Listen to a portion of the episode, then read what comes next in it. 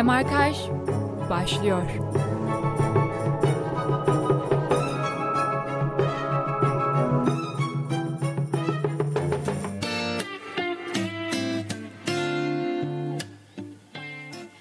...96.6 frekansından Radyo Bilkent stüdyolarından hepinize merhaba. Ben Zeynep Begüm ve yanımda spiker arkadaşım çok sevgili Kadir Çam var. Ve bugün de sizler için özenle hazırlayıp sunduğumuz Demarkaj'ın çok güzel bir bölümüyle karşınızdayız. Ancak önce müsaade ederseniz ben sevgili spiker arkadaşıma nasıl olduğunu sormak istiyorum. Teşekkür ederim Zeynep. Sen nasılsın? Ay, ben de çok iyiyim ve birazcık da heyecanlıyım yayınımız dolayısıyla.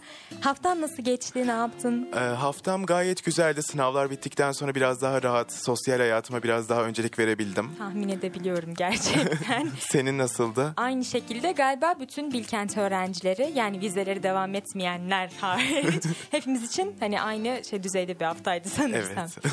Peki bu haftaki konumuzdan da bahsetmek ister misin? E, evet bahsedebiliriz. Bu hafta kitaplardan, kitap okuma alışkanlığından ve kitap fuarlarından bahsedeceğiz. Aynen öyle ki bu konu beni ve bildiğim kadarıyla seni de çok heyecanlandırıyor olsa gerek. Kesinlikle en çok sevdiğim alanlardan birisi. Kesinlikle çünkü hem hem dediğin gibi hem sevdiğimiz bir alan hem de birazcık da hakim olduğumuz bir alan diyebilir miyiz? Evet ikimizin de hakim olduğu bir alan geldiği için de ben çok mutluyum. Aynı şekilde ve zaten e, bizim bizim bölümlerimiz de sözel. Ben psikoloji okuyorum. Ben de hukuk okuyorum. Bu yüzden yani hani okumak ha, hayatımızın çok büyük bir parçası.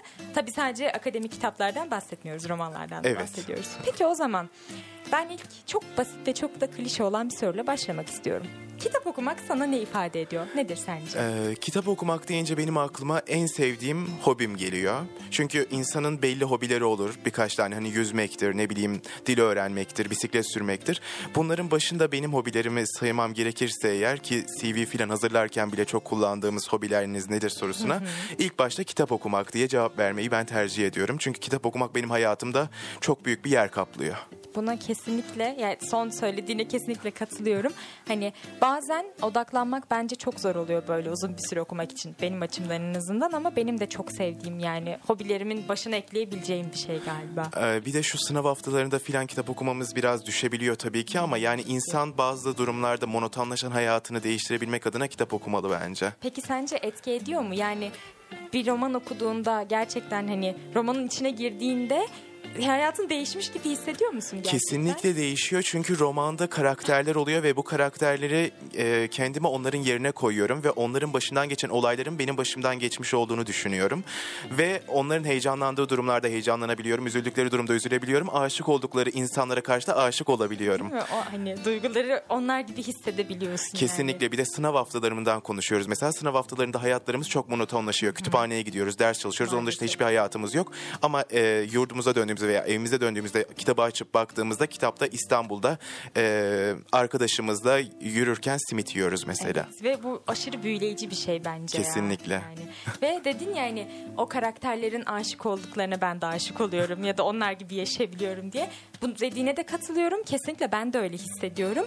Ve hani o yüzden de bir kitabı bitirdikten sonra bilmiyorum senin için de durum böyle mi ama benim yeni bir kitaba başlamam çok zaman alıyor. Kesinlikle benim de öyle. En azından bir haftan filan geçiyor ve ben Aynen öyle. bu arada bir hafta kitap okuyamadığım için çok üzülüyorum da böyle vicdan azabı filan çekiyorum. Ama öteki kitaptan hemen sonra başka bir kitaba da başladığımda da o kitaba haksızlık etmiş olduğumu düşünüyorum. Kesinlikle katılıyorum buna da. Hani mesela o bir hafta boyunca önce okuduğumu sindirmem gerekiyor. Daha sonrasında hani o karakterleri böyle çok içselleştirdiğim için onların da etkisinden çıkmam gerekiyor. Sonuçta yeni bir kitaba başlıyorsun. Olaylar farklı, karakterler farklı. Hani etkisinde kalarak okumaya devam edince pek bir anlam ifade etmiyor maalesef. Aynen öteki kitaba odaklanamamış da oluyorsun bu durumda. Aynı şekilde.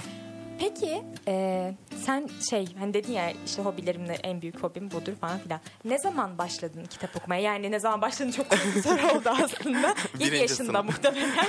Ama bu senin için ne zaman keyifli hale geldi? Ee, kitap okuma benim için e, 14 yaşında filan daha keyifli hale gelmeye başladı. 14 Yani? yaşında 8. sınıfta filanken. onu soracaktım. 8. sınıftan öncesinde çok kitap okuyan bir insan değildim. Hatta ben bakıyorum böyle çocuklarına insanlar kitap filan alıyor böyle aileler filan. Hani aileleri filan teşvik ediyor çocukları ya da okullar okullarda kütüphanelerden alıyorlar filan. Benim okuduğum okulda benim arkadaşlarım hiç kitap filan okumuyordu. e, arkadaş çevresinden kötü açıdan etkilenmiş olabilirim. Daha sonra kendi kendime başladım böyle kitap okumaya. Yani ailem filan zorlamadı beni. E, kitapçılara geliyordum mesela Ankara'da çeşitli yerlerde kitapçılar var. E, gezmeye gittiğimizde normal insanlar mesela gidip böyle benim yaşımdaki insanlar başka kafelerde filan oturmayı tercih ederken ben kitap evine gidip kitap seçmeyi tercih ettim. Kitapları böyle karıştırıp arka kapaklarını okumak filan. Bu şekilde e, yaklaşık 13-14 yaşlarında e, Ankara dışından geliyordum. Ben Ankara'ya geldiğimde ilk işim Dost Kitap Evi'ne uğramaktı. Şey o malum buluşma noktası. Aynen. Yani insanları beklerken e, kitapları karıştırıyordun ama ben onun için ayrı bir zaman ayırıyordum. Hani insanları beklediğim için kitaplara bakmıyordum. Böyle kitap güzel. evini gezmek amacıyla. Ankara'da bir sürü de kitap evi var aslında böyle ama çok fazla sahaf var mı Ankara'da biliyor musun? Ankara'da sahaflar e, Zafer Çarşısı'nda var diye biliyorum. Kızılay'dan Sıhhiye'ye giderken Ha, e, çocuk orayı. yaşımda yine ben bu kitaplara çok ilgi gösterirken dayım da kitaplarla çok ilgilenen bir insandı. Hani sana kitap bulabilmek için sahaflara gidebiliriz demişlerdi. Ondan dolayı e, biliyorum orada sahafların olduğunu. Ben bu Ankara'daki kitapçıları ha bak sahaflar şeyde var şimdi aklıma geldi. Karanfil Sokak'ta e, Karanfil Sokak'ın girişinde bir kitapçılar çarşısı var biliyor musun orayı? E, orayı bilmiyorum. Orada gerçekten gerçek sahaflar var yani böyle girdiğinde o eski kitap kokusunu alacağın ortalığın hani toz duman olduğu böyle kitaplardan öyle yerler var oraya da mutlaka git. Evet. Benim aklımda Zafer Çarşısı hep şey olarak kalmış hani sanki şey test kitapları almaya gittiğim bir yer olarak kalmış sahaf kısmını böyle tam bilmiyordum o yüzden. Yani eskiden vardı şu an yenilendi orası nasıl bir durumda şu an bilmiyorum. Çoktandır da o tarafa yolum düşmedi. Aynı şekilde ben de gitmedim. Dedin ya ilkokulda çok hani okuyan birisi değildim diye. Bizim zaman bizim zamanımızda 57 yaşındayım ben bu arada. şey yapıyorduk biz okuma saati yapıyorduk 1-2 saat böyle bu milli eğitimin bir zorunluluğu muydu yoksa okulumuzun zorunluluğu muydu bilmiyorum. Siz yapıyor muydunuz böyle Ee, şeyler? bizde de vardı muhtemelen ama orada hani bir zorunluluk gibi oluyor ya insan kendisi istemiyor kitabı ama öğretmen seçiyor mesela sen şu kitabı okuman gerekiyor ama o kitap benim asla ilgimi çekmiyor. Bir de ben normal yaşıtlarıma göre biraz daha böyle hani e, daha değişik kitaplar okumayı tercih ediyordum. Mesela insanlar böyle daha çok saftirik filan gibi kitaplar okumayı tercih ederken ben biraz daha hani böyle roman okumayı tercih ediyordum. O dönemki 13 yaşındaki normal insanlar bence saftirik okumaktan zevk alması gerekir. Ya da Narnia günlüklerinden ama ben böyle biraz daha farklı bir insandım her açıdan.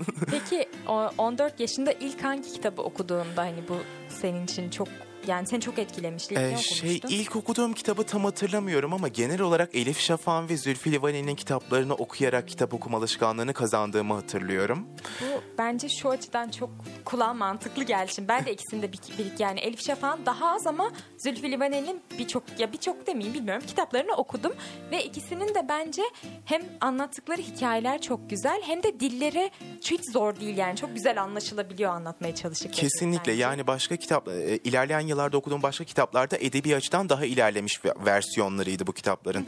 Ama Elif Şafak ve Zülfü Livaneli'nin kitapları biraz daha dile senin dediğin gibi açık ve anlaşılır olduğu için insanlara kitap okuma alışkanlığını kazandırabilecek bir dili var. Ayrıca konu olarak da herkesin e, dikkatini çekebilecek konular. Evet bence de ve zaten ikisi de özellikle Zülfü Livaneli böyle ya bu da çok klişe bir ifade ama kanayan yaralarımıza dokunuyor diyeceğim ama Kesinlikle. öyle yapıyor gerçekten. Hani Kesinlikle. o yüzden daha ilgi çekici konuları Mesela var. Mutluluk kitabı vardı. Okudun mu bilmiyorum Zülfü Livaneli'nin. Van'daki yaşayan Meryem'in hayatını anlatıyordu. Mutluluğu değil ama huzurla karıştırmış. Huzur mu?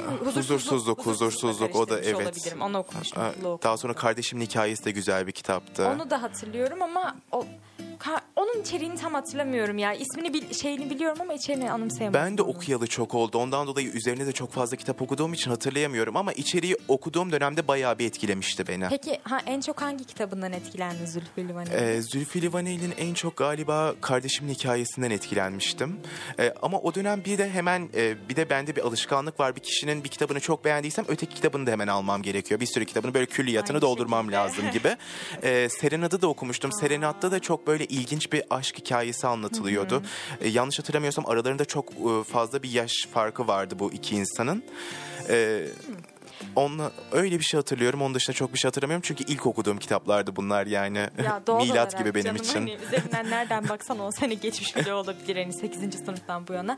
10 değil ama yaklaşık 10 sene geçmiş. Evet, evet. Serenad'ı ben de okumuştum ama ben sana göre daha yakın bir tarihte okudum galiba hatırlamıyorum ama onun yani hikayesinden özellikle de hem bu arada onu okuyunca tarihle alakalı bir gerçeği de öğrenmiştim oradan.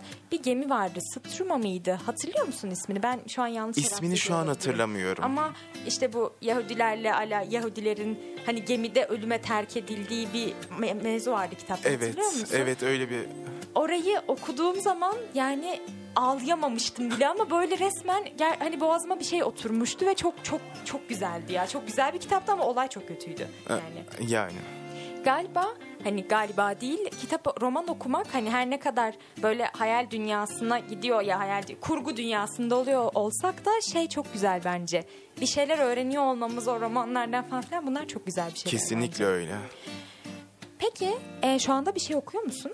Ee, şu anda ben daha sınavlarım bittikten sonra kendime şey demiştim hani adak adamış gibi olmuştum. Böyle ki, bir kitap alacağım kesin okuyacağım. Gittim hemen bir tane kitap aldım. Kitabın ismi Suç ve Ceza. Herkes de bilir muhtemelen. Dostoyevski'nin kitabı Üstad'ın.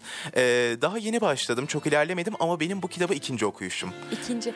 Bir kitabı birden fazla defa nasıl okuyabiliyorsun peki? Ee, benim buna çok örneğim var. Ee, Gerçekten ya? dinleyicilerimiz de dinlemek isterlerse tabii ki. Ee, mesela Kürk Mantolu Madonna Sabahattin Ali'nin kitabı. Dört kez okudum. Dört kez.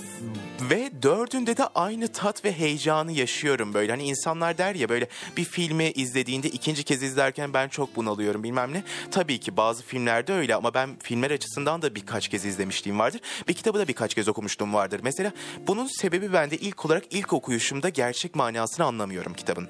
Buna en büyük örnek olarak da Oğuz Atay'ın tutunamayanlarına verebilirim. İnsanların başlayıp bitiremediği o kitabı ben iki kez okudum. İki kez okudun. Ben de ilk verdiğin örnekteki insanım. Ben de başlayıp bitiremedim kitabı yani bıraktım. Evet, tutunamayanlar konusunda mı? Çok kişiden duydum. Benim arkadaşlarımla birlikte aldık hatta biz bu kitabı lise arkadaşlarımla. Hiçbirisi okuyamadılar. Ee, 20. sayfadan hatta 50. sayfadan ileriye gidemediler ama ben okudum. Daha sonra tam anladığımı düşünmedim ki tam anlama imkanı yok o kitabı. Çünkü çok kapsamlı bir kitap ve Türk Edebiyatı'nın en iyi örneklerinden birisi belki postmodern edebiyatın. Ee, ikinci kez okuduğumda biraz daha kafama yerleşti ve olaydaki en başta konuştuğumuz gibi olayları yaşayan karakterlerle kendimi ve en yakın arkadaşımı özdeşleştirdiğimde kitabın daha anlamlı ve akıcı hale geldiğini düşünüyorum. Bu çok iyi bir yöntem bence ya. Hani Kesinlikle. Tam anlamlandırabilmek için. Peki bir şey soracaktım. Bak aklımdan gitti şimdi. Çok konuştuğum Ee, içindir. Hayır saçmalamadım öyle şey. Dört defa okudum dedin ve de, ya galiba ilk başta anlamlandıramadığım için hani bunu yapıyorum dedin. Genelde şey derler ya insanların bir filmi de üç defa izleyip aynı şekilde bir kitabı da birden fazla defa okuduklarında hani Birincide çok farklı anlamlar çıkardım. İkincide şunu anladım. Üçüncüde bunu... Yani gerçekten sence her okuduğunda ve her izlediğinde neyse farklı şeyleri görebiliyor musun peki? Kesinlikle görüyorsun. Filmler için de aynı şekilde, kitaplar için de aynı şekilde. Kitaplar için özellikle ben bir başka örnek de verebilirim. Yine Lütfen. Sabahattin Ali'nin İçimizdeki Şeytan kitabını da ben iki kez okudum. İlk okuduğumda yalnızca arada bir aşk hikayesi varmış gibi geldi. Daha sonra o kitap üzerine yazılmış makaleleri okudum ben. Çünkü Sabahattin Ali'ye ben anlattığımdan da anlaşılabilir belki ta- takıntılıydım. Yani çok seviyordum kitaplarını. Üç romanının üçünde okudum mesela.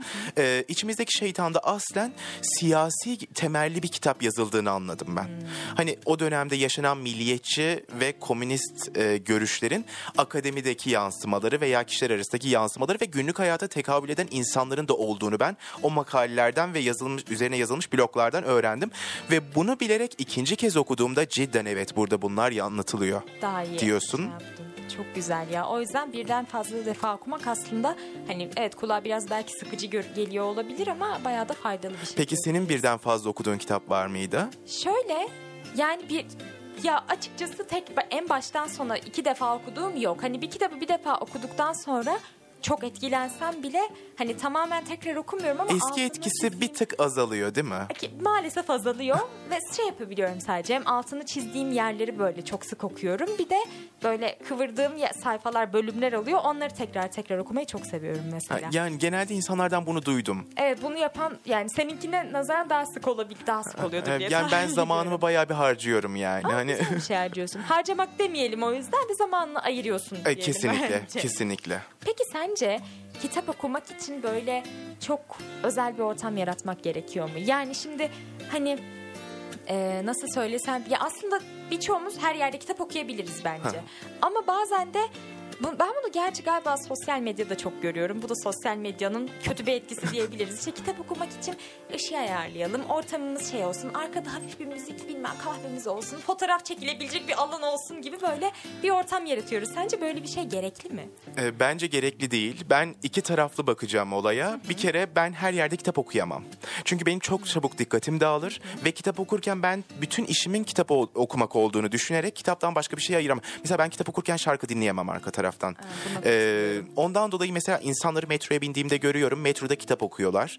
Dikkatleri nasıl dağılmıyor diye hatta onlara imreniyorum. Hatta kafelerde kahvelerini yudumlarken kitap okuyorlar.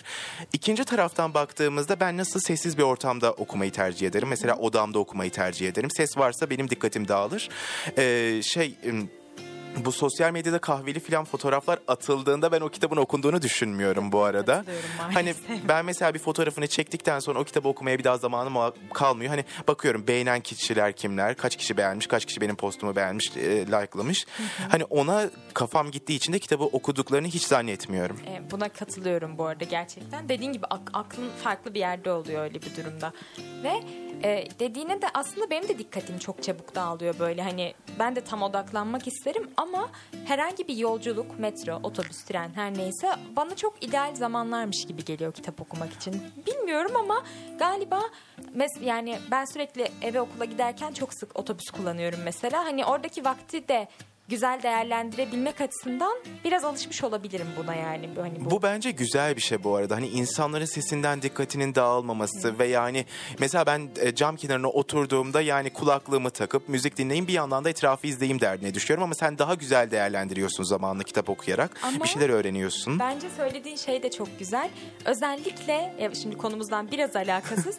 metroda giderken herhangi bir yere ya bu da tabii yaşadığımız yeri, olayı, hayatı çok romantize etmek de olabilir bilmiyorum ama metrodayken hani kitap okuma kitap okuyabiliyorum, odaklanabiliyorum ama kitap okumak dışında şey de çok güzel bir şey. Dediğin gibi kulaklık takıp etrafı izlemek ama metroda etrafı izleyemeyeceğinden dolayı nereye izleyeceksin çünkü insanları izlemek birazcık daha keyifli bir şey. Eğer kesin yapıyorsundur bence bunu da. Kesinlikle yani hatta gözlemleme yeteneğin gelişmişse eğer Aha. ve bu insanları gözlemlemeyi zevk ediniyorsan kendine böyle Aynen ki ben öyle. Aynı öyleyimdir. şekilde.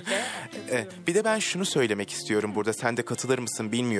Bu tarz yolculuklarda veya hani e, kalabalık insanların olduğu yerde kitap okuyabilmek e, biraz daha beynini çalıştırmanı gerektiriyor. Yani hani kitap okumak mı tercih e, daha çok insanın beynini çalıştırır veya yorucudur? Yani insanın aktif bir şekilde katılımını gerektirir yoksa müzik dinlemek mi ya da etrafı izlemek mi? Tabii ki e, kitap okurken insan beynini daha çok çalıştırıyor ve yoruyor.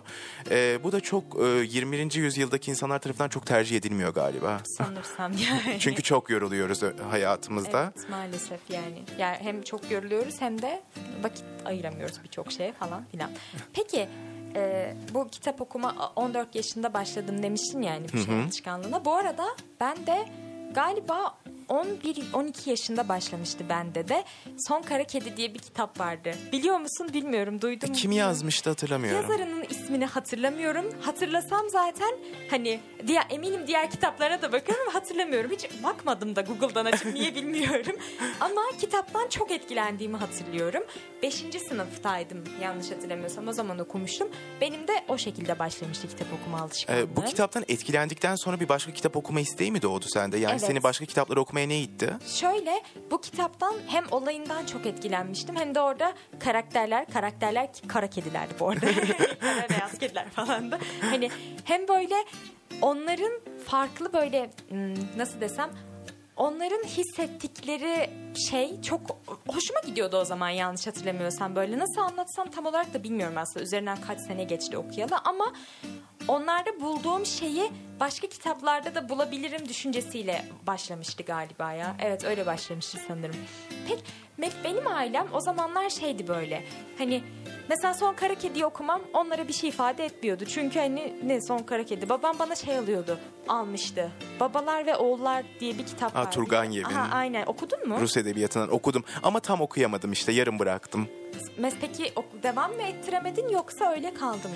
Ya benim genel olarak klasiklere karşı bir ön yargım Ön var. var. Bu hoş bir şey değil. Neden var sence? Ya e, şöyle düşünüyorum ben klasikler böyle kesinlikle kitap okumaya başlayacaksınız klasiklerle başlayın diye böyle hani öğretmen edasıyla veya insanlara yol gösteren kişiler olur ya. Aynen. Ben buna katılmıyorum çünkü insanın bir kitaba başlaması için kitapla arasında bir bağın oluşması lazım. Bu bağın Kesinlikle. oluşabilmesi için de karakterlerle yakınlığı olması lazım. Mesela sen e, kedilerle alakalı bir kitap okumuştun ve karakterlerin kediler olduğunu söyledin ya. Kedilere muhtemelen bir ilgi duyuyordun sen. E, olabilir. ya Kedi, seviyordum. kedileri seviyorsun. Ondan dolayı mesela yani kla- klasiklerde anlatılan dönem çok uzak yıllar olduğu için tabii ki e, kitapların temeli klasiklerdir. Ama e, olaylarla kendini bağdaşlaştırabilmen bir tık zorlaşıyor bence. Evet buna katılıyorum ve başta dediğine de katılıyorum. Hem böyle öğretmenler işte bilge kişiler tarafından çok dikte edilir işte hani başta bunlarla başlayın diye.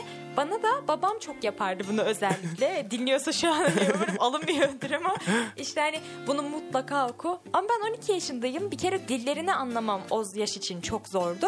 Ve böyle böyle ben de dediğin gibi bir ön yargı geliştirdim aslında yani. Bilmiyorum senin ailenin bakış açısı nasıldı Ee, benim ailemin bakış açısı biraz e, destekleyici değildi açıkçası. hani mesela ben bu anlattım ya başlarda Ankara'ya geliyorduk. Onlar işte bir yerlerde gezerken ben de kitap bakıyorum ve benim yanımda durmak zorundalar. Aman Kadir kitapçı görmesin diyorlardı artık yani. Çünkü o kadar çok zaman harcıyordum ki zaman harcarken bir yandan da maddiyat açısından da bir sıkıntıya sokuyordum. Evet, Çünkü her geldiğinde 2-3 tane kitap alırsan e, yani başka ihtiyaçların varken kitap alıyorsan ki kitabı da o dönemde insanlar çok hani ihtiyaç olarak görmüyorlar. Hani ihtiyacın kılık kıyafettir, Aynen. yeme içmedir. Kitap biraz daha lükse kaçıyor gibi ama e, ilk öyle düşünmelerine rağmen ben kitap almaya devam etmişim. Çok sevindim. Onlar da mutlu şu anda ama kitap okuduğundan. Hatta bu dönemde çok fazla kitap okuyamadığımdan dert yanıyorlar. Gerçekten. Evet ben de diyorum ki hukuk okuduğum için zaten hukuk kitaplarını çok Okuyorum okuyorum. Benim gözlerim çalışıyor çalıştığı kadar roman okuyamıyorum. Yalnızca beynim çalışmıyor o kötü bir şey. Hayal dünyam özellikle. Ya eminim ama bu işte sınav final dönemi bittikten sonra yeniden roman okumaya da başlayabilirsin. Yani. Ee, başladım şu anda zaten yani o kadar kendimi freshlemiş hissediyorum ki yani böyle e, Gerçi yeniden evet, başladım. Başladım dedin çok affedersin bu söylediğini az Yok. duydum ama bir an şey oldu. Yakında finallerimiz de başlıyor ya sanki yine duraksayacakmışsın Evet. gibi düşünüyorum Evet ve yani. bu beni çok demotive ediyor yani demoralize ediyor yani. Aynı, aynı şekilde maalesef ve 20 gün kaldı bu arada. Evet Çok uzak 26'sında görünüyor. başlayacak. O zamana kadar benim şu anki hedefim iki kitap okumak. Suç ve Ceza'nın yanında bir de en sevdiğim yazarlardan biri olan Orhan Pamuk'un Benim Adım Kırmızı kitabını okumayı çok istiyorum. Onu ben de okumayı istiyorum biliyor musun? Ben sana Ama- kesinlikle öneririm. Peki Duydum. ikinci defa mı okuyacaksın yok? Ha, burada kafa salladın dinleyicilerimiz. Evet, evet utanıyorum artık. Ben Hayır bir kitabı canım. çok kez okuyorum yani. Hani anlamadığımdan da değil bu arada yanlış e, bir fikir oluşmasın onlarda. Çok sevdiğim için bir daha okuyorum. Bunu da ikinci kez okuyacağım. Bunu ben bir arkadaşımdan almıştım. Arkadaşım da hani kitabı verdi. Genelde hani verilen kitap kalır ya. Kaldırmadı. Bende bırakmadı o kitabı. Hani biliyor ben Orhan Pamuk'u çok seviyor. Bu kendinin e, zilyetliğini alacak yani. Hukuki bir terim de kullandım burada. Bölümden kaynaklı deformasyon. Aynen. Bayağı dezenformasyon.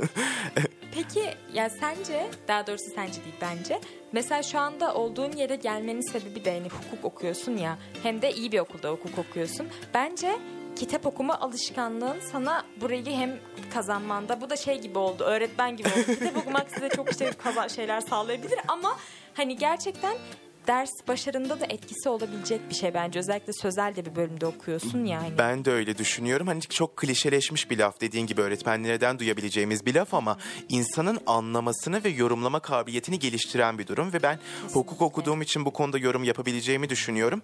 Biz bir maddeyi veya kanun hükmünü okuyup anlayıp yorumlamamız gerekiyor ve bana bunda en büyük katkıyı geçmiş yıllardan beri okuduğum kitaplar Kitaplar sağladı. sağlıyordur değil mi? Aynı şekilde bu Sende de arada. yarıyordur işe. Aynen öyle. Çünkü hani bizim de bazen işte psikoloji okuyorum ben de tekrar edeyim. Hani ne bileyim bir durumu işte yorumlamak, ne bileyim belki tanı koymak tabii ben daha henüz o aşamada değilim ama kesinlikle dediğin gibi orada okuduk okuduğum bir şeyin yorum yapma kabiliyetimi geliştirmesi burada da çok işime yarıyor.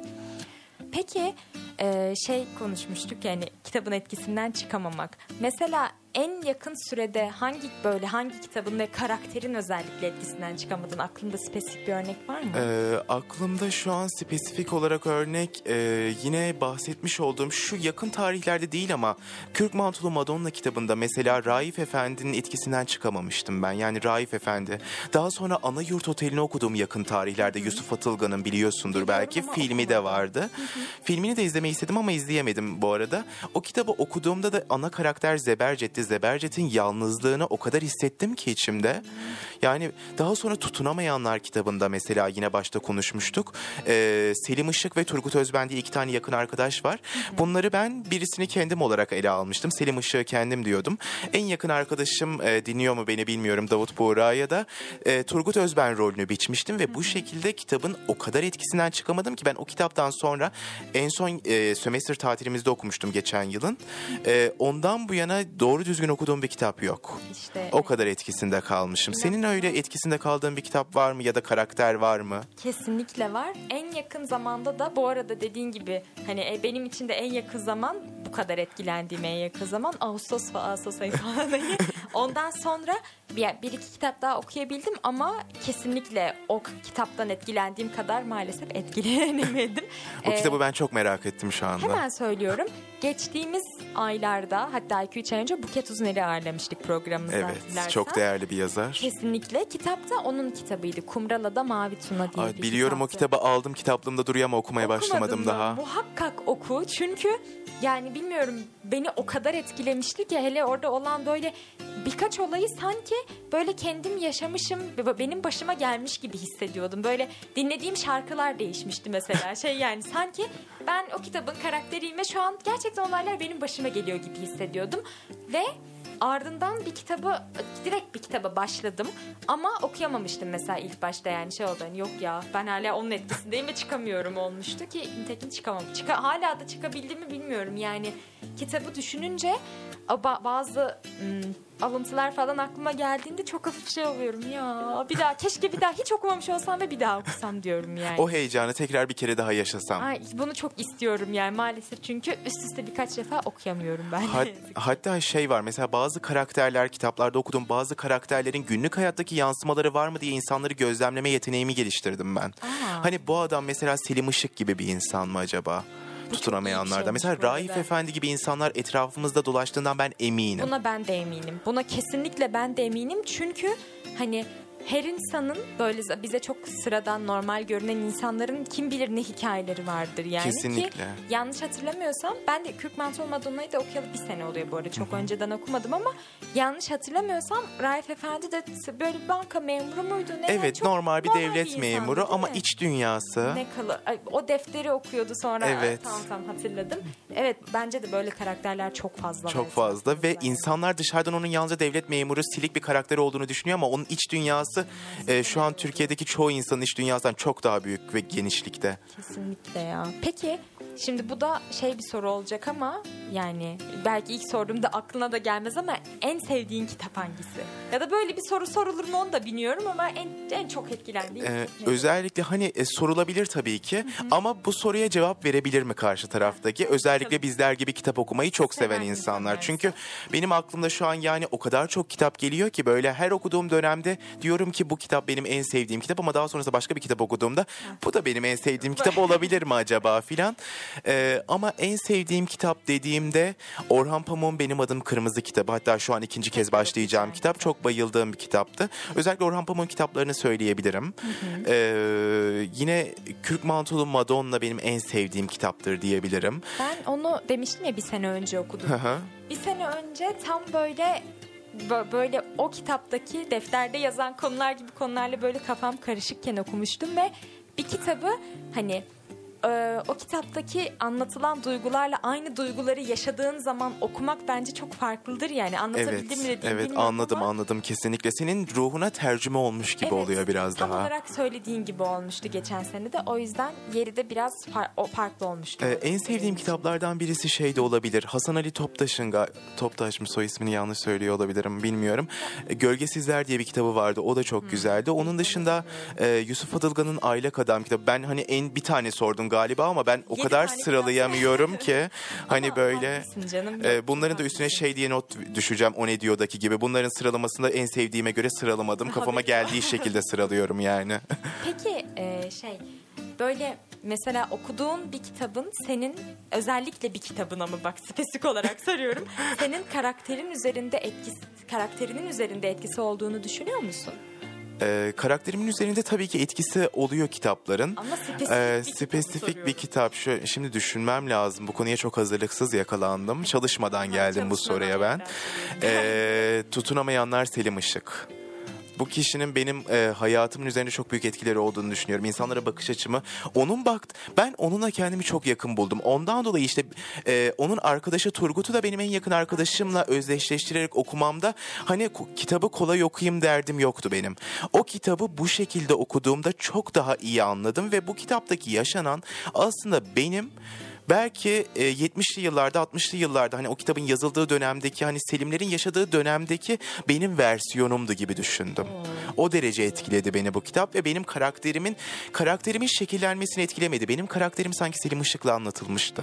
O derecede büyük bir şekilde konuşabilirim. Oğuz Atay'ı keşke yaşıyor olsa da yani bu konuyu yani tutunamayanları nasıl yazdığını, kimi böyle gözünün önüne alarak yazdığını ki belki kendisini örnek almıştır bilmiyorum. Yani kendi karakterinden yola çıkarak bu Olabilir. karakteri oluşturmuştur.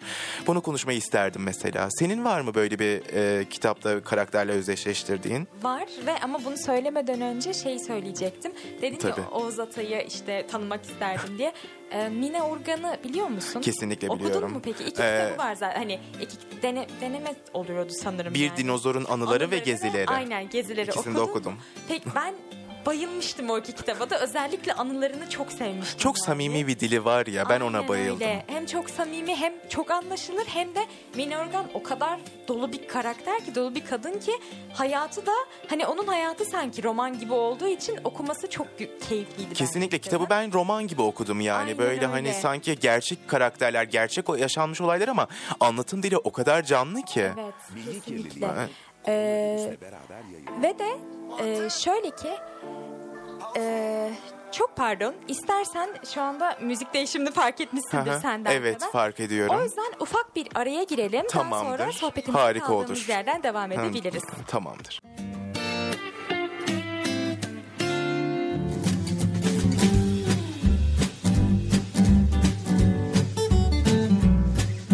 Demarkaj devam ediyor.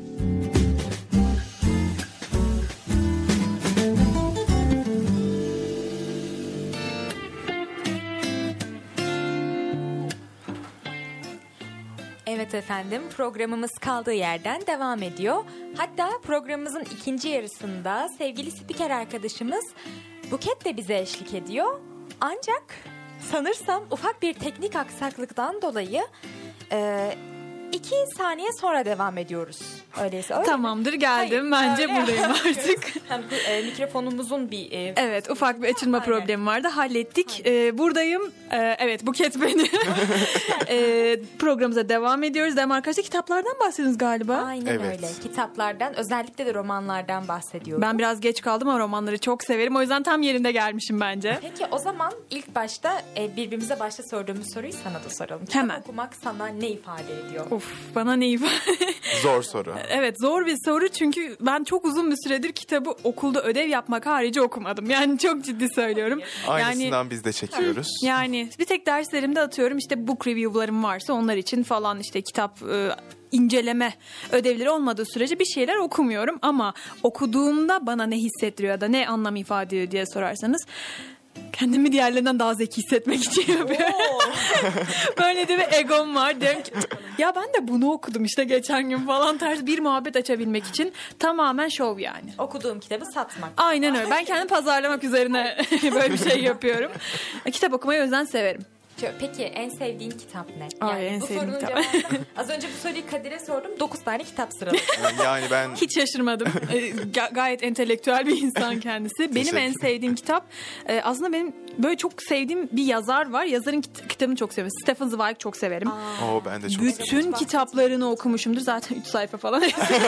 Bundan bahsetmek istemiyorum ama şimdi benim dikkat aralığım çok ışık olduğu için e, sürekli kendime kısa hikaye yani kısa e, kitaplar seçmeye geçmeye çalışıyorum. Yani bir kitabın çok uzun olduğu halde okumam için çok sevmem gerekiyor. Onun için de hep kısa yanında taşınabilir şeyler seviyorum. O yüzden o da Stephen Zweig oluyor ama onun dışında en sevdiğim kitap olarak böyle bir tane belirledim. Soran birisi olursa söyleyebilmek amacıyla. Çünkü bu susamazsınız böyle bir soruya. Yeterince zeki görünmezsiniz. ee, Nut Hamsun'dan Açlık. Çok güzel bir kitap olduğunu düşünüyorum. Bilen var mı bilmiyorum ama çok da bilindik bir Ben kitap değil biliyorum. aslında. Çok güzel bir kitap. Ben Norveç hayatım Edebiyatından. boyunca bir kitabı okurken acıktığımı hatırlamıyorum. ama böyle şey değil. Yani iyi bir acıkma değil. Şimdi e, biraz spoiler gibi olacak ama e, karakterimiz e, yine bir şey e, kitabın içindeki karakter açlık çeken bir karakter. Çünkü parası yok. Yani şey gibi işte Rus Rus edebiyatında bir tane işte e, palto almak için 5 yıl çalışanlar olur ya. Bu da öyle tarzda bir insan. E, ve çok acı, sürekli aç. Değil mi? Ya Kadir Evet, evet. yanlışsam düzelt.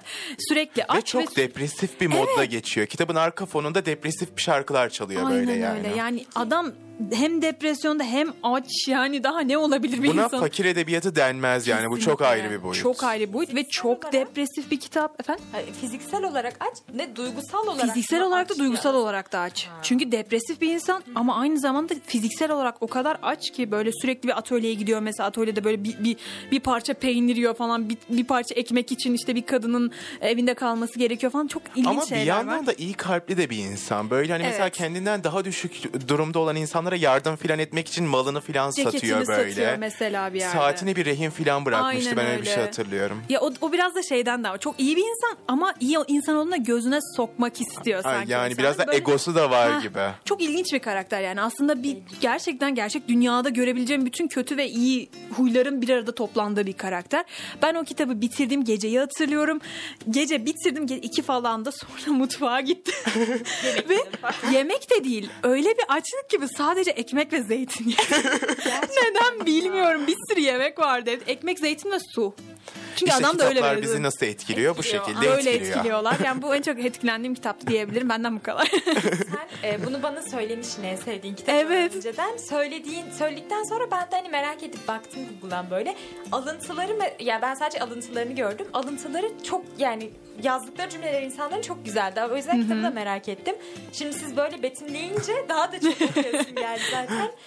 Peki siz mesela bir kitaba başlamadan önce en çok ne yani ne dikkatinizi çekiyor? Yazarı mı, kapağı mı, belki arkada arka yazıları mı yani en çok neye dikkat ediyorsunuz? Önce Kadir cevaplasın. Ee, ben ilk olarak yazarına dikkat ediyorum. Mesela ilk bölümümüzde de konuştuğumuz gibi ben bir insanın kitabını okursam bir yazarın o kitabı da beğendiysem başka kitaplarını da böyle evimde toplamayı seviyorum ve okumaya devam etmek istiyorum ve Peki çok özür dilerim lafını kestim ama Hiç önemli değil. bu cümleden aklıma geldi de hani evimde al- alıp toplamayı seviyorum dedin ya şey hepimizde var mı? Hani kitap alıp yani kitap almak bir bağımlılık gibi bence yani beş tane kitap birden alayım ama sonra okuması böyle çok uzun zaman sürüyor ya da bazen okunmuyor da. okunmuyor bile. Yani o hepimiz- beş kitabın ikisini okuyorum. Geriye kalan üç tanesi kütüphanemin bir yerlerinde böyle Hepimizin yaptığı bir şey bu değil mi yani? Bu biz bana bir Herkes şey yapıyor kesinlikle. hepimiz. Özellikle ben ucuz ve indirimde buldum mesela Amazon'dan beşli kitap böyle şak diye alıyorum. Sonra hepsi orada duruyor. okumuyorum. Ve muhtemelen çok heveslenip alıyorsun. Ben mesela Evet. Harry Potter serisini almıştım o şekilde. İlk kitabı okudum bıraktım yani. Sonra filmini izledim. Ha, benim de Game of Thrones serim öyleydi. Mesela. Yani çok üzücü bir şey bu ama neyse ki bana mahsus olmadığına çok sevindim ve şimdi o yüzden lütfen devam et yani. Bu değil, bunu sorunca aklıma bu geldi. Ha, yok gayet e, doğaldı bu soru. İşte yazarına bakıyorum. Yazarını beğendiysem atıyorum işte Oğuz Atay'ı beğendim diyelim. Oğuz Atay'ın bütün kitaplarını okumam gerekiyor gibi düşünüyorum. Çünkü bir kitap diğeriyle bağlantılı olmasa bile anlatılan karakterlerin genel olarak ortalaması birbirine benzer. Evet doğru bence. Ondan dolayı bundan devam ediyorum. Bu noktada ilginç bir şey söyleyebilirim. Mesela ben de böyle düşünüyordum aslında çok yakın bir zamana kadar. Ee, yazarın, bir yazarın bütün kitaplarını aslında bir noktada aynı e, perspektiften baktığını düşünüyordum genelde. O yüzden genelde kitapları birbirine benzer ya da hepsi eşit derecede güzel oluyor diye düşünüyordum. Sonra Fernando Pessoa ile tanıştım biliyor musunuz bilmiyorum. Kendisi Huzursuzluğun inanılmaz, kitabı. evet, inanılmaz zeki bir adam ve inanılmaz değişik bir insan. Ee, kendisinin farklı farklı isimlerle çıkardı ya ya nasıl anlatacağım bunu bilmiyorum ama adam farklı farklı kişilikler ediniyor ve o kişilikleri varmış gibi onların adına kitap falan çıkartıyor mesela. İşte bir yerde e, bir şeyin subayı oluyor mesela. O şekilde gidiyor bir başkasına mektup yazıyor falan. Farklı farklı kişilikler geliştiriyor ve sonrasında bu adam öldükten yaklaşık 20 sene sonra diye hatırlıyorum ben. Bu mektuplar ortaya çıkıyor ve aslında o yazarların Fernando Pessoa olduğunu anlıyorlar. Hatta en sonunda bunların hepsi birleştirilerek Huzursuzluğun kitabı Aynen diye bir öyle. kitap yayınlanıyor ve Aynen öyle. harika bir kitap. Ben Gerçekten. okumaya daha başlayamadım Ve ama kimse gerçekten bu ıı, şeyler arasında bağlantıyı kuramıyor. Yani hepsinde çok farklı bir insan gibi davranıyor. Kendisinden bir iz yok. Kimse anlayamıyor. Bunun bağlantısı da dediğim gibi onun sandığını falan buluyorlardı galiba. Oradan çıkıyor ortaya. Çok ilginç gerçekten. Bunu da paylaşmak istedim. Bir soruya gelecek olursak aklıma gelmişken söyleyeyim demiştim. Soru da şu şekilde soruya cevabımda. Ben kapağına dikkat ediyorum. çünkü çünkü neden? Neden bilmiyorum. Yani kapağı beni cezbeder. Yani böyle çikolataları falan da mesela dışı güzelse, renkliyse falan öyle alıyorum. Mesela benim küçükken bir prenses e, neydi? Prenses okulu serim vardı. Hepsi Oo. pembe diye almışım. Böyle 20 tane kitap böyle. Ama özellikle, Şu an aynı kafadayım. Onu da unutmayın. özellikle çocukken zaten kapakları gerçekten çok önemli oluyor ama şimdi bile mesela tabii ki tam içeriği muhakkak daha önemli ama hani ister istemez kapağı da daha etkileyici görününce Tabii daha canım. bir hevesleniyorsun. Mesela bir bence bir kitabın içeriğinden bağımsız konuşuyorum. Farklı farklı basımları oluyor ya. Bunu özellikle Stephen Zweig'in kitaplarında. Evet. Ve şimdi o İş Bankası'nın bastıkları. ben takıntılıyım bu konuda. Buna maalesef ben de Kesinlikle. öyleyim. Böyle bilindik bir yayın evi olacak Aynen bir kere. Hani öyle. e, biraz daha pahalı ödeyeceğim ama iyi bir çevirmen tarafından çevrilmiş Stephen Zweig kitabı okuyacağım yani. Kesinlikle katılıyorum. Aynen hem çevirme hem çevirmenin çok önemli hem de mesela işte İş Bankası'nın yayınları şey e, kapakları özenle seçilmiş böyle içerikle alakalı çok güzel kitaplar. Bir de farklı bir yayın evi adını hatırlamıyorum onunkileri görmüştüm. Hatta şöyle bir olay oldu onu hemen anlatmak istiyorum.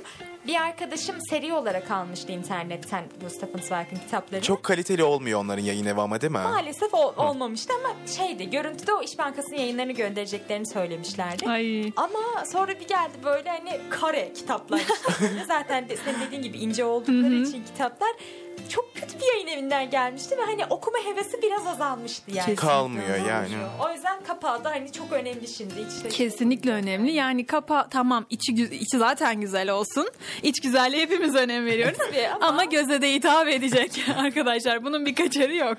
Bence e, şey de çok önemli bu arada. Arka yazıları, kapaktaki Kesinlikle onu ekleyecektim ben. Şey e, az önce hep Oğuz Atay'dan çok bahsettin ya sen. Kadir. E, Mina Urgan'ın yanlış hatırlamıyorsam bu arka kapağında yazıyordu bir dinozorun anılarında.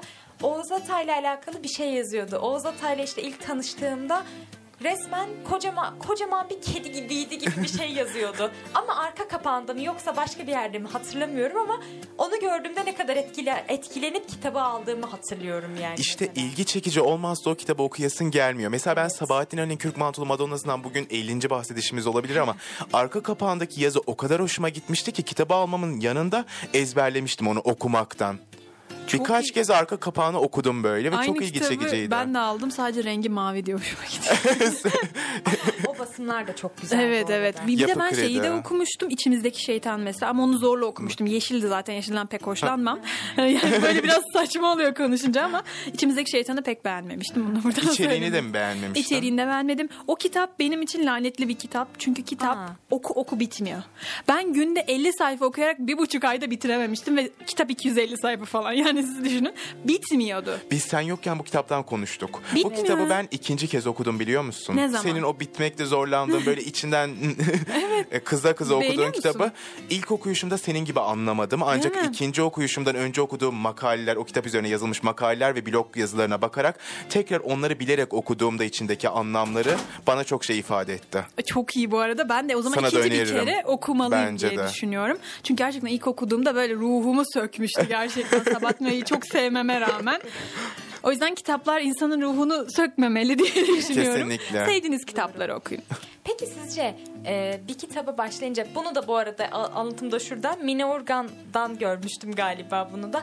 İşte hani karpuzu açtığında içi şeyse kötü bir karpuzsa karpuzu yemezsin bırakırsın. Ben tam Buket'in söylediğin üzerine bu sözü verecektim örnek olarak ama Gerçekten Mina mi? Urgan mı söyledi söylemedi mi yalan olmasın Siz diye aynı yanlış beyin olmasın. hücresini mi paylaşıyorsunuz? Ben Mine Organ söyledi diye hatırlıyor. Ya ben geçen bunu bir yerde kullandım. Hatta Mine Organ söylemiş gibi kullandım. Ortamda sattım bu bilgiyi ama daha sonra korktum yani acaba yanlış mı falan diye ama bence de doğru. Çok doğru söylemişsin. O söylüyor diye hatırlıyorum ben de.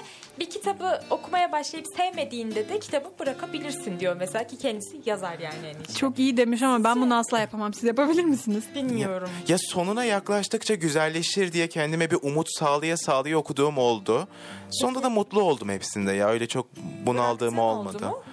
Bıraktığım oldu Babalar ve Oğullar kitabını Ha, evet, okuyamamıştım önce mesela. mesela. Daha sonra senin dediğin bir tane kitabı da okuyamamıştım ve şu an unuttum. Hangisi acaba? Bayağı da severek anlattım böyle biliyor musunuz? Mil- e, insanlar da böyle nasıl okumuştur filan demişler. Hatta ben birkaç kez okuyorum ya kitapları. Herhalde ikinci, üçüncü okuyuşu bu demişlerdi. Açlık. Aa, Açlığı ben yarım bıraktım. Ama burada nasıl katılıyor bana? Nasıl katılıyor? ama e, Arkadaşlar yayıncılık böyle bir nasıl- şey.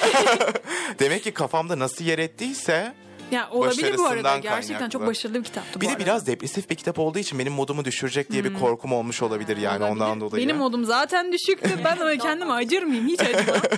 ya ben bunu lisede okumuştum işte o zamanlar zaten şey 12. sınıftaydım ben. Üniversite Oo, sınavına tam hazırlanıyordum. da depresif dönem. okumuştum. Ya ben ya gerçekten büyük bir cesaret ister ve böyle bir şey yaptım. Kendimle gurur diyorum. Bu arada kitabı yarım bırakma konusunda ben şöyle bir şey diyebilirim ki ben kitapları yarım bırakamıyorum. Ben kitap okumayı bırakıyorum onlar yüzünden. yani kitabı yarım bırakacaksam ben şey gibi böyle benim bir tane kitabım var o da arkadaşlarım çok iyi bilir. Fernando Pessoa'nın kitabı Pessoa Pessoa'yı anlatıyor diye bir kitap. E, kendi günlüklerinden işte anılarından falan filan şey yapılmış böyle birleştirilmiş bir kitap.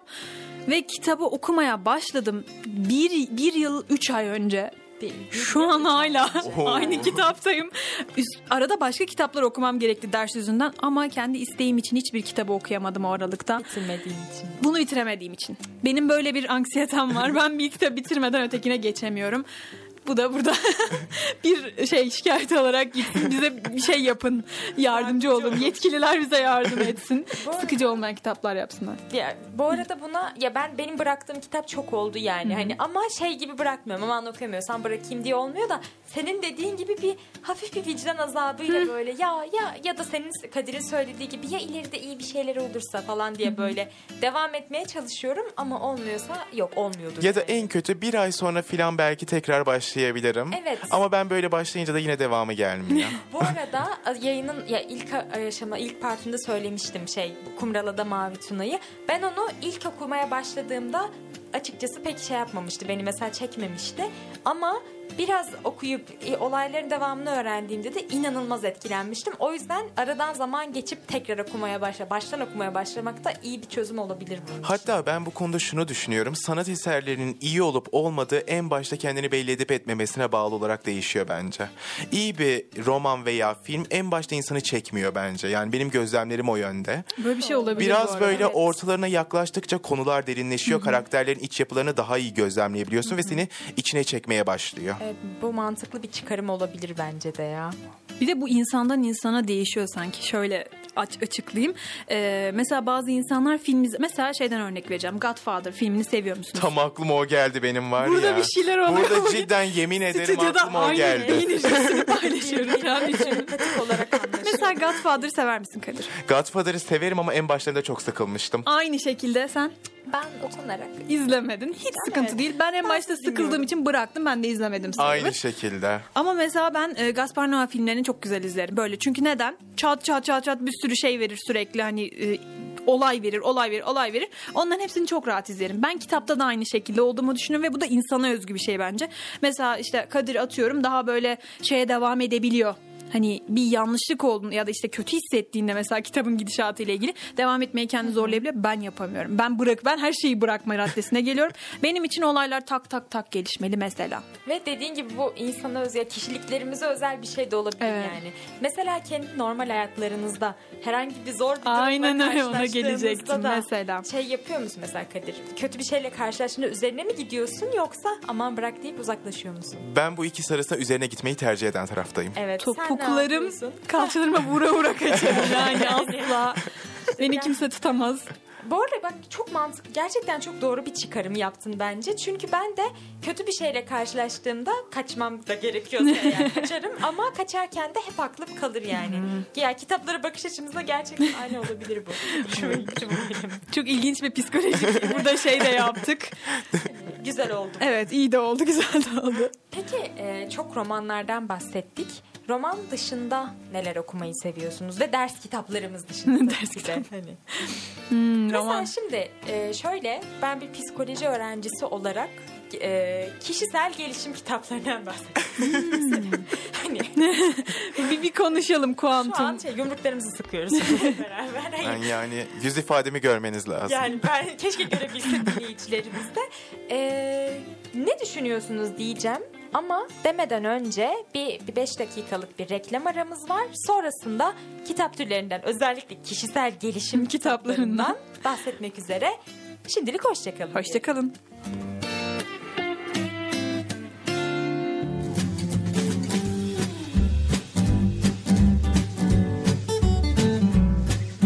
Demarkaj devam ediyor.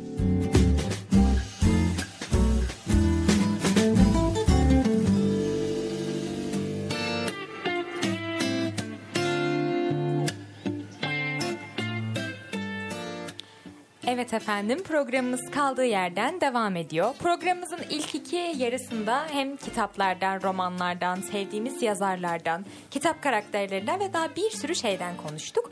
Şimdi de en son kişisel gelişim kitaplarında kalmıştık. Ancak unutmadan e, so- programımızın sosyal medya hesabında tanıtımını yapalım.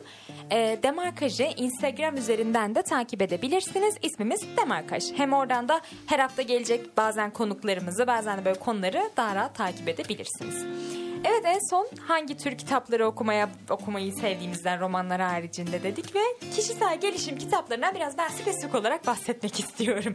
Öncelikle okuyor musunuz kişisel gelişim kitabı hiç okudunuz mu ya da? Ben asla okumuyorum. O kadar net konuşabilirim yani. Kesinlikle çok sevindim seni. Ben okumadım demeyeceğim. ben de okudum. Olabilir ama zaman nasıl oldu? Biraz deneyimlerimizden bahsedelim. ne zaman nasıl oldu? Depresif bir dönemim de oldu. Gayet olası bu arada. Nutamsun açlıktan sonra olmuş olabilir. Çok olası. Ve şeydi böyle tam kişisel gelişim değil de sanki hadi şey e, bırak her şeyi hani bir laf var hani bırak gitsin falan tarzında bir laf vardır ha işte onun gibi bir kitaptı hani bırak böyle bir kişisel gelişim kitabıydı işe yaramadı bu arada onu söyleyeyim yani. Şaşırdık mı bilmiyorum. Ya hayır açıkçası. Pek şaşırmadık. Ama bu arada hepimiz bence hayat Kadir hariç hayatımızın bir döneminde hani buna düşmüş bunu yapmış olabiliriz. Çünkü bana biraz şey gibi geliyorlar. Hani kolay kaçış yöntemi işte her şeyi yapabilirsin her şey çok kolay güç senin elinde sadece kendine Güç güven. içinde. Güç senin içinde onu çıkarmıyor. Hani böyle şeyleri duymak okumak hepimize bence zaman zaman bazen iyi gelebilir yani. O yüzden kimseyi de suçlamamak lazım. Ama bence bunlar insan psikolojisini yani e, ben uzman kişi değilim dediğim gibi sadece iki, sene, iki senedir psikoloji okuyorum. Ama daha da bozan şeyler. Yani şöyle mesela ben e, şimdi öz- kitapların birçoğunun içerisinde şey var ya kötü düşünürsen kötü şeyler olur. iyi düşünürsen iyi çekersin Ee, şey bu o kadar basit aynı şey frekansta olmadığın şeyleri çekemezsin. falan böyle 777. işte yok Manifest manifest et, şey olsun dilekli ol bilmem. Böyle koca sayfada tek bir kelime var işte. 777 mesela. Sadece o yazıyor. Böyle çok garip şeyler var. Bu bende mesela şöyle bir etkiye yol açıyor. İnsan olduğum için olumsuz ve kötü de düşünebilirim hepimiz gibi. ve e, böyle düşündüğüm zaman şey oluyorum. Ay şimdi kötü düşündüm. Kesin kötü şeyler çekeceğim. Evrene negatif enerji yaydım. Yani Hadi bakalım. şey böyle domino etkisi gibi kötü düşünün kötü şeyler olur, daha kötü şeyler olur da. Hepsi böyle birbirini devirecek. Ve Aynen mesela öyle. öyle. olacakmış gibi düşünüyorum. Çünkü sürekli bize bu empoze ediliyor böyle. ya da bir şey olduğunda hemen ona bağlıyorsun. Evet e, aynen öyle. En, bir- en büyük Bazen saçmalık da o. Mesela benim başıma hep öyle şeyler gelir. Mesela böyle o gün kötü uyandıysam ya da işte kötü bir enerji yaydığımı düşünüyorsam bardak düşer. Cık, Enerji. Ama mesela iç İşte şey mesela. Satürn'ün etkisi. Ya tabii. Şey Satürn'ün Satürn bir gezegen tamam mı? Şimdi onu hepimiz biliyor. Bir gezegen. Satürn elinde bir liste var. Diyor ki bir hani dön. tabii. İki Buket'in gününü mahvet. ya böyle bir şey herhalde düşünüyoruz yani düşünmemiz isteniyor. Bardağı düşür. Bu kesin ne bugün arkadaşlarıyla arasını biraz boz. Hatta ben bazı insanların bu e, gezegenlerin hareketlerine bağlı olarak hayatlarını şekillendirdiklerine şahit oldum. Bugün Merkür Retrosu var ondan dolayı ben şu şu hareketleri yapmasam daha iyi olacak. arada bir şey söyleyeceğim. Benim bir programım var biliyorsunuz. Gündüz Gözü. Gündüz Gözü'nün astroloji köşesi var. Astroloji köşesinde tam olarak böyle şeyler konuşuyoruz. Ve ama hiç kimseye şey demem yani böyle işte şunu şöyle yapın bunu böyle değil. Hayır.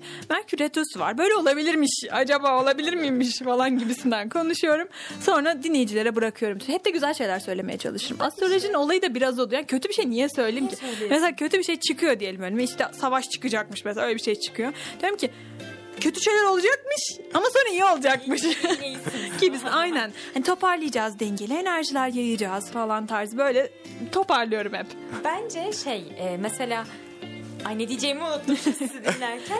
Hani hem ya bu kötü bir şey kötü bir şey değil. İnsan iyi bir şeyler duyma ihtiyacı Tabii olabiliyor. canım, o da var. Mesela gündüz gözündeki o astroloji köşesi hani eğlenceli. Tam Değil mi? 10 dakika dinledik gayet güzeldi. Ama şimdi hayatıma devam edebilirim gibi geçer. Aynen öyle. Şimdi aklıma devam. Ama elindeki o kişisel gelişim kitabını okudukça okudukça seni böyle böyle yiyip yiyip bitiriyor. Aynen öyle. Bence de öyle. Ben bir yerde bir video izlemiştim ve bir adam vardı. Adam böyle şey hippie tarzı bir adam böyle kocaman kolyeleri falan vardı. Adam şey diyordu söylediğiniz şarkılar evrene enerji yayar. İşte manifest etmiş olursunuz onları diyordu. Ve Allah sonrasında da Allah. bir meme yapmışlardı üzerine. İşte mesela Nicki Minaj'ın bir şarkısı var. İşte zengin olmak istiyorum işte şu olmak istiyorum falan filan tarzı böyle şeyler söyleyerek manifest etmeye çalışıyordu insanlar. bu kadar kolaysa yapabilirim. Aynen öyle. Açayım şeyi işte Dua Lipa'dan bir şey açayım Aynen böyle. öyle. Hani ne bileyim var mı böyle aklınıza gelen Şey güzel- Ariana Grande'den mesela şey e, Seven Rings açayım. E, money can bought everything falan diyeyim yani. Bitti gitti. kolaysa yapabilirim. O sırada da bence. Lana Del Rey'den Summertime Sadness dinleyerek hayatım niye kayıyor diye düşünen ben. Mesela. Bağıra çağıra onu söylüyorsun Kadir geceleri biliyorum.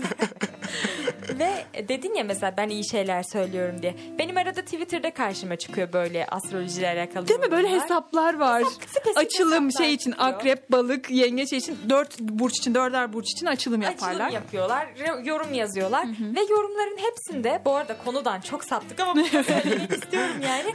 Yorumların birçoğunda şey falan yazıyor. Ne bileyim bu hafta işte retro var, yengeçler hastaneye düşebilir. Şunu hani aptal aptal şeyler yazıyorlar. Çok özür dilerim sinirleniyorum ben buna ama hani böyle şeyler benim canımı çok sıkıyor görünce. O yüzden yine konumuza gelecek olursak kişisel gelişim kitapları da bende o etkiyi yaratıyor yani. Tamam hayatımın bir döneminde lisede 15 yaşında okudum evet ama şu anda düşününce korkunç geliyor yani. Hani korkunç geliyor bu kadar şeyler söyleyebilirim. Peki Kadir senin en sevdiğin kitap türü ya da işte roman harici okuduğun bir kitap türü var mı? Ee, ben genelde bu soruya cevap veremiyorum ama öyküleri çok okumayı seviyorum. Yine yani romanın bir kardeşi gibi görünebilir öyküler ama yine kurgusal bir evren var. Ben kitap okurken kurgusallığı tercih ediyorum. Çünkü yaşadığım hayattan farklı bir hayat görmek istiyorum. İlgimi çekiyor bu durum. Mesela şi- e, düz yazısı türlerinden denemedir falan ben pek okuyamam öyle makaledir falan. Ondan dolayı öyküleri tercih ediyorum biraz daha. Çok güzel bir cevap yine aynı şekilde. Bana gelecek olursak da ben ne diyeceğim? Şiir kitapları diyeceğim. Aa, E, hatta bir ara o da arkadaşımla bir ritüelimiz gibi bir şey vardı. Gece uyumadan önce ben yatıyordum bildiğim bana masal okur gibi iki tane falan şiir okuyordu böyle. Gerçekten Elinde Özdemir Asaf'ın şiirleri vardı. E, bir kitabı vardı almıştı indirimden falan. Gelip bana okuyordu bazı geceler sonra bıraktık ama onu. Çünkü dedik ki sanki yaptığımız şey biraz tuhaf. Sanki biraz. tuhaf demeyelim insanların ritüelleri keyiflidir sonuçta yani. Sonra bıraktık. Ama bence çok güzel bir şeymiş. Peki en sevdiğin şair Özdemir Asaf mı? Hayır ben daha çok kim seviyordum ya ben ismini unuttum şu anda. Ben Sabahattin Ali çok severim bu arada şair olarak da çok severim. Özdemir Asaf sevmiyorum ama dinlerdim yani yine de. Sezen Aksu'nun bir şarkısı vardı. Adını hatırlamıyorum ama başını göğsüne yaslı sevgilim. Sabahattin Ali'nin o değil mi? Şiiriymiş. Evet ben de bunu öğrenince Sabahattin Hatta Aldırma Gönül de Sabahattin Ali'nin Evet. şiiri. Bayağı Sabahattin Edip Ali çok Akbayram iyi bir söyler. şair bu arada. Benim en sevdiğim şey de e, melankoli diye bir şiir Onu var. Ee, çok güzel bir şiir. Ya burada okumak isterim ama benim öyle bir sesim olduğunu düşünmüyorum şu an. Ee, dinleyenlerimizden merak edenler varsa Sabahattin Ali'den Melankoli şiirini e, okuyabilirler. Ben çok beğeneceklerini düşünüyorum insanların. Çünkü Sabahattin Ali'nin insanın melankolisini çok sade bir şekilde anlattığını düşünüyorum. Böyle mesela ellerim iki yana düşer. işte kafamın içinde bir toz bulur falan. Çok güzel cümleleri var. Gerçekten okuyunca insanların böyle kendinden bir parça bulacağını düşündüğüm çok doğal bir şiir. Merak ettim ben şiiri şu an. Arada bakarız bize Evet, olmazsa. lütfen. Bir şiiri daha var. Ruhumun dalgaları diye. Onu biliyor musunuz? Ay ben onu bilmiyorum. Ga- galiba o da Sab- ya şimdi yanlış bilgi vermek de istemem ama o da sanırım Sabahattin Ali'nde. Bunu da YouTube'da bir şarkı görmüştüm. Sonra kimin yani şar- sözlerine bakınca onun şiiri olduğunu gördüm. Evet Ama Sabahattin Ali'ninmiş ben baktım Tamam, evet. Teyit ettiğini çok sevindim. Oğuz Kahveci mi söylüyor evet, acaba? Oğuz Kahveci diye bir adam söylüyordu. O da çok güzel bir Şimdi. YouTube'da şarkı dedin benim de aklıma bir şey geldi. Can Ozan'ın bir tane şarkısı var Lavinia diye. Biliyor musunuz? E, e, Ee, ve orada işte şey, Lavinia Özdemir şeyini Aynen şiirinden. oradan alıyorlar. Çok güzel bir şarkı dinlemeyenler için ve Özdemir Asaf sevenler için Lavinia şiirinin ufak bir şekilde böyle değiştirilmiş ve şey nasıl desem hmm, güzel kullanılmış bir hali. Bir tane daha var. Sen kocaman çöllerde. Aa o da onun. Evet Özdemir o da onun e? Asaf'ın mı yoksa Nazım Hikmet'in mi tam olarak hatırlamıyorum. Da E, ona da bir bakalım isterseniz. So- Sen kocaman çöllerde. Onun da nakarat kısmında kullanıyorlar bir şeyini, iki dizesini Evet ya, ve çok biliyorum. güzel bir şarkı. Benim ben bu arada Can Ozan çok Hayranısın severim. Hatta aynen Spotify Rap'te birinci sırada benim Can Ozan çıktı dinleme Gerçekten şeyinde. Aynen. Özdemir Asaf'ın galiba. Özdemir Asaf'ınmış. O da çok Ee, güzel o da bir çok güzel. Bir kalabalık gibisin diye devam ediyor değil Aynen mi? Öyle. Sen kocaman çöllerde bir kalabalık gibisin. Çok hem şarkı çok güzel hem şiir de çok Aynen güzel. Kocaman denizlerde ender bir balık gibisin. Söyleme bana sözü. Ağlamaya başlayacağım. Çok güzel bir şarkı. Peki en sevdiğiniz şiir var mıdır? İşte benim melankolisi söyleyin Melankoli, artık. Evet bir dakika. Ben şeyi çok seviyorum. Çok özür dilerim lafını böldüm ama bu ya tabii şey ya bu birazcık e, Söyle söyle. nasıl desem bu şiire biraz torpil geçiyor olabilirim ama Bekle Beni Zeynep diye bir şiir var. Çok güzel. Hani galiba Atilla İlhan'ındı bu. Olabilir. Yanlış hatırlamıyorsam. Ben bunu ilk kez izlediğim bir dizide duymuştum. Sonra birisi bana bunu okumuştu yıllar yıllar önce. Ve şiir yani hem şiir şimdi şiir de çok güzeldi. Bir de insan adına yazılan bir şey olunca daha şey oluyor. Tabii yani. canım. Daha çok torpilli oluyorsun şaşire karşı onu çok severim. Bir de Turgut Uyar'ın bir şiiri vardı. Adını hatırlamıyorum ama Şey olabilir mi? Cambazla alakalı bir şey.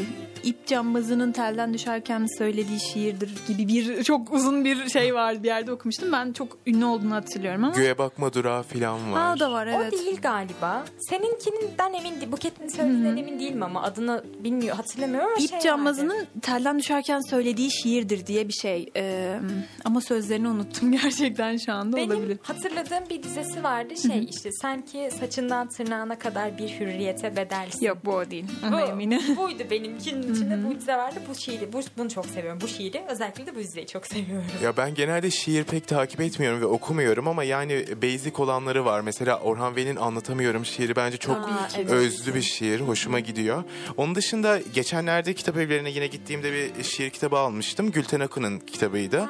Deli Kız'ın Türküsü'ydü herhalde kitabın ismi. Şiirin ismi de öyle. Hatta şiirin şu e, satırları çok hoşuma gitmişti. Hatta okumak istiyorum şu an. Senin hiç haberin olmasa senin hiç haberin olmaz ki. Başlar biter kendi kendine o türkü. Ha, Çok böyle e, derin bir anlamı var bence. Hani bundan dolayı Deli Kız'ın türküsü de hoşuma gitmişti benim şiir olarak. Galiba şimdi Gülten Akın dedin ya şey ama bu da yanlış bir bilgi mi emin değilim böyle bir şey hatırlıyorum. Bir sanatçı vardı Simge Pınar olabilir mi tanıyor musunuz? E, Simge evet var mı? Sanki o da bir albümünde Gülten Akın'ın şarkılarını, şi, şi- e, şarkılarını ne, şiirlerini ses böyle şarkılaştırmış diye hatırlıyorum. Eğer bilmiyorsanız ona da bakmanızı tavsiye ederim. Ee, bir Hababam sınıfı sahnesi vardı. Yani ben bu sa- sahneyi biliyorum. Filmlerin hepsini seyretmedim ama Sessiz Gemi Hümeyra biliyor musunuz? Tabii güzel, ki de. tabii ki. Sessiz Gemi Hümeyra çok güzel seslendiriyor Sessiz Gemi'yi ama sanırım şiir Yahya Kemal Şiir Yahya Evet. Kemal Yahya, Yahya Kemal'in mi? Evet? Kemal onu hatırlıyorum da Yahya mı ondan emin değildim. E, Hababam sınıfının da bir sahnesinde işte e, ya, sessiz gemi kimin şiiridir Hümeyra çok güzel okuyor hocam evet. Şimdi böyle şiir şarkı deyince aklıma da o geldi. Bir de burada çok özür dileyerek şunu da bahsetmeden geçemeyeceğim. Didem Madak seviyor musunuz? Okudunuz mu şiirlerini? Hiç okumadım. Ben okudum. Hatta en yakın lisedeki en yakın arkadaşlarımdan birisi şu an pek görüşmüyoruz. Bayılırdı Didem Madaka. Ah, ah- ahlar ağacı. Ahlar Ağacı. Yani Didem Madak kadar beni böyle içten içe üzen ve böyle o kadar o kadar güzel şiirleri var ki bence ve her okuduğumda da böyle şiirlerini şey oluyorum. İçim böyle buruklaşıyor ya. Çok güzel yazıyor bence. Yani iki şiir kitabını okudum. Zaten üç tane var sanırım şu an bas, basılmış üç kitabı var. Ee, Ahlar Ağacı bir de diğerinin ismini hatırlamıyorum ama evet adını yine unuttum ama neyse çok güzel kitaplar. Ben ona benzer bir şair daha örnek verebiliririm. Belki seversin. Nilgün Marmara. Aa, Nil- Harika Aa, bir evet. şair. Marmara, biliyoruz. evet, Hatta doğru. son zaman ya son zamanlar değil aslında bir iki yıl önce ben en son bir kitapçıya gittiğimde yeni bir kitap çıkarmıştı. Ve yine böyle mavi bir şeyi vardı. Benim ilgimi çekiyor böyle mavi oldukları zaman. Güzel bir kitaba benziyordu ama ben okumadım. Hep kapağına bakıp bıraktım. Galiba o e, intihar ettikten sonra kitaplarını e, yazdığı şeyleri birine bastırması için vasiyet mi bırakıyordu? Böyle bir şey mi vardı acaba? Şu kocası olabilir mi? Çünkü ben öyle bir hikaye gördüm sosyal medyada. İnandırıcı mı bilmiyorum. Ben de emin değilim ama böyle bir şey hatırlıyor gibiyim. Kocası olabilir, farklı biri Ve olabilir. onun yıllarca eşi olan kocası ruhunda böyle gerilimlerin ve sarsıntıların olduğunu anlamamış. Bunu biliyor muydunuz? Evet Bir ben insan- böyle bir şey biliyorum kesinlikle biliyorum. Onun şiir yazdığından haberi yok kocası. Evet en yakınındaki Aynen kişi öyle kocasının seni yok. bilmiyor. Aynen öyle. Korkunç bir Sonrasında şey ya. ortaya çıkıyor Korkunç. bütün şiirleri ve o öldükten sonra yayınlanıyor zaten. Çok ilginç bir şey. Peki ben bir şey soracağım. Şükrü Erbaş'ı biliyor musunuz? Biliyorum İsmini ama duydum. aynı İsmini- aynen öyle. Benim de ondan çok sevdiğim bir şiir vardı. Suyum unum buğdayım diye. Hatta orada çok güzel bir iki tane dize var. Bence Ee, oku. Lütfen. biraz sevgiliye ya da insanın kendisini sevgili olarak görmesine ithafen yazılmış bir şey. Şöyle diyor. Herkesin başkasını konuştuğu bu aynalar pazarında seni kimselere söylemeden öleceğim. Çok güzel. Hem Süper. Bence de e, hem kendi sevgilisinden bahsediyor hem de aynı zamanda aynalar pazarı derken sizce ne demeye çalışıyor olabilir? Hiç düşündünüz mü? İşte şiir insanın beynini çalıştırıyor böyle. Hayal Bence gücünü de. de çalıştırıyor. Kesinlikle. Anlamaya çalışıyorsun o simgeler Aynen alemini. öyle. Burada şeyden bahsettiğini okumuştum ben bir yerde. Ayna demesinin sebebi hem sevgilisini kendisi olarak görmesi hem de se- aslında kendisini sevgili olarak görmesi. Çok ilginç Yani sevgilisi şeyler. onu yansıtıyor ya da Aynen kendisi öyle. sevgilisine Aynen, yansıyor. Aynen öyle. Ve bütün dünyada böyle olduğuna inanıyor. Aynalar pazarı dediği de dünyanın kendisi aslında. Vay bilmiyorum. Aklıma geldi. Bu ama çok güzel bir dizeymiş bu da. Evet biraz yine konudan saptık şiirlere Yo döndük. aslında Ama şiirlerde kitap sonuçta yani. Aynen öyle. Ben buradan şeye toparlamak istiyorum. Böyle zaten yavaş yavaş da sonuna doğru geliyoruz Maalesef. programımızın. Şimdi kitaplardan bahset bahset bahset. Ben şeyi merak ediyorum. Kitap fuarına gidiyor musunuz? Ee, kitap fuarına en son Ankara'da bir düzenlendi. Me- Ekim ayındaydı galiba. 23 Ekim, aynen 29 öyle. Ekim e, aralığında ben bir gitmiştim oraya. Onun dışında bir e, Kırşehir'de kitap fuarı düzenlenmişti. Ona gitmiştim. Hatta Kırşehir için farklı bir olayda. Onu anlatabilirim ancak yani. Onun dışında çok gitmiyorum. Kitapları çok seviyorum ama kitap fuarlarına gitme e, gitmeyi pek düşünemiyorum. Böyle zamanım olmuyor. Peki sen Zeynep?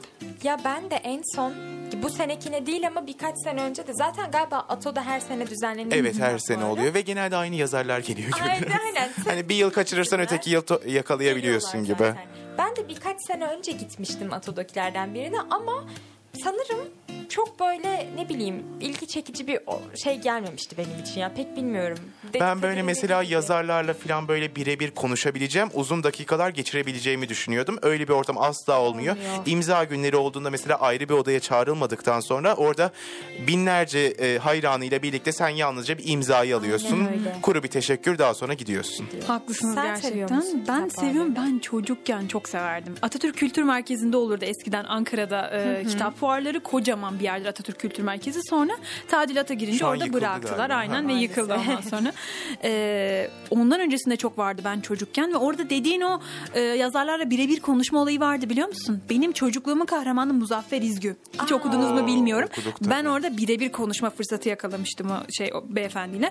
Ee, ve Muzaffer Üzgü'yü çok severdim. Çok tatlı kitapları vardır. Tam çocuk kitapları vardır. İşte e, e, Harry Potter'ın vardı. falan şeylerini yapmıştır. Böyle hep Türk versiyonunu yapmıştır böyle eğlenceli. Evet serileri var. Ökkeş miydi? Ökkeş evet. Ökkeş bir yer. Ökkeş Vardı. okulda, Ökkeş tatilde falan tarzında. Çok güzel kitapları vardı. Küçükken Ankara'nın en güzel şeylerinden biriydi Anıtkabir'den sonra bence kitap fuarları. Anıtkabir'e giderdim sonra e, kitap fuarlarına giderdim. Küçüklüğüm Ankara'da çok güzel geçmişti o yüzden. Şu anda gidiyor muyum? Şu anda en son bir kere ne zaman olduğunu hatırlamıyorum. Metronun içinde şeyde Kızılay'da Ankara'nın içinde şey açılmıştı. Bir tane fuar açılmıştı ama ya metronun içinde ne alaka diye düşünmüştüm yani. Çok da büyük değildi zaten ve içinde de genelde öyle hani şu anda internetten basılan bazı kitap türleri var biliyorsunuz. Konuşmak istemiyorum o konuda. Onlardan bol bol vardı. Ee, eğitici kitaplar vardı. Kendime ilgili hiçbir şey bulamadım. Zaten çok da pahalı oluyor normale göre. Artık herkes internetten Ve alışveriş günümüzde yapıyor. artık yani kitapların hepsine ulaşılabiliyor ya hem internetten hem Evet. kitap evlerinden. PDF'leri var. Evet eskiden mesela yani kitapların bazılarına satışı olmuyormuş. Ondan dolayı fuarlar bayağı Aynen, önemli öyle. hale geliyormuş ama şu anda eski önemini kaybetti dersek de bence yanlış olmaz. Ben de katılıyorum. Şu an olsa gitmek ister misiniz peki böyle mesela Ankara'da yeniden? Ee, gitmek isterim ama zamanım olmadığı için gidemiyorum. Çünkü modern hayatta cidden hiçbirimizin zamanı yok Evet, ve bu maalesef. bayağı bir zaman gerektiren bir şey. Özellikle büyük şehirlerde bir yerden bir yere gitmek bayağı bir zamanını harcatıyor. Ve şu anda da senin dediğin şeyden dolayı dedin ya internette yazıp yazılıp basılan kitaplar. Şu anda muhtemelen kitap fuarlarında da bu görüntü çok fazladır Maalesef yani. ki. Diyanar'da da falan da zaten girişte hemen onları, Onları görüyorsunuz sağda. Yani kitap içeri giresim bile gelmiyor bazen benim. Ve aynı o yüzden bir kitap da şu anda herhalde ben de çok uğrayamayabilirdim yani. Evet. Birinci önceliğimiz olmazdı Aynen diyelim. Onları öyle. da kırmayalım. Ve de maalesef programımızın sonuna Buna geldik. doğru geliyoruz yani artık. Ee, Bir iki dakika ara verip daha sonrasında da kültür sanat köşemizle devam edelim. Ve de o yüzden Demarkajı burada. bitirelim. Bugün Bitirelim. kitaplardan bahsettik. Kitap Bence harika bahsettik. bir program oldu. Çok güzel programdı. Bu, bu, e, stüdyoda tek bir beyin hücresi çalıştı bütün program boyunca. Ee, umarım siz beğenmişsinizdir sayın dinleyenlerimiz. Ee, bizi Instagram hesabımızdan Demarkaj adıyla takip etmeyi unutmayın. Haftaya yeniden aynı gün aynı saatte görüşmek üzere diyorum. Hoşçakalın. Hoşçakalın.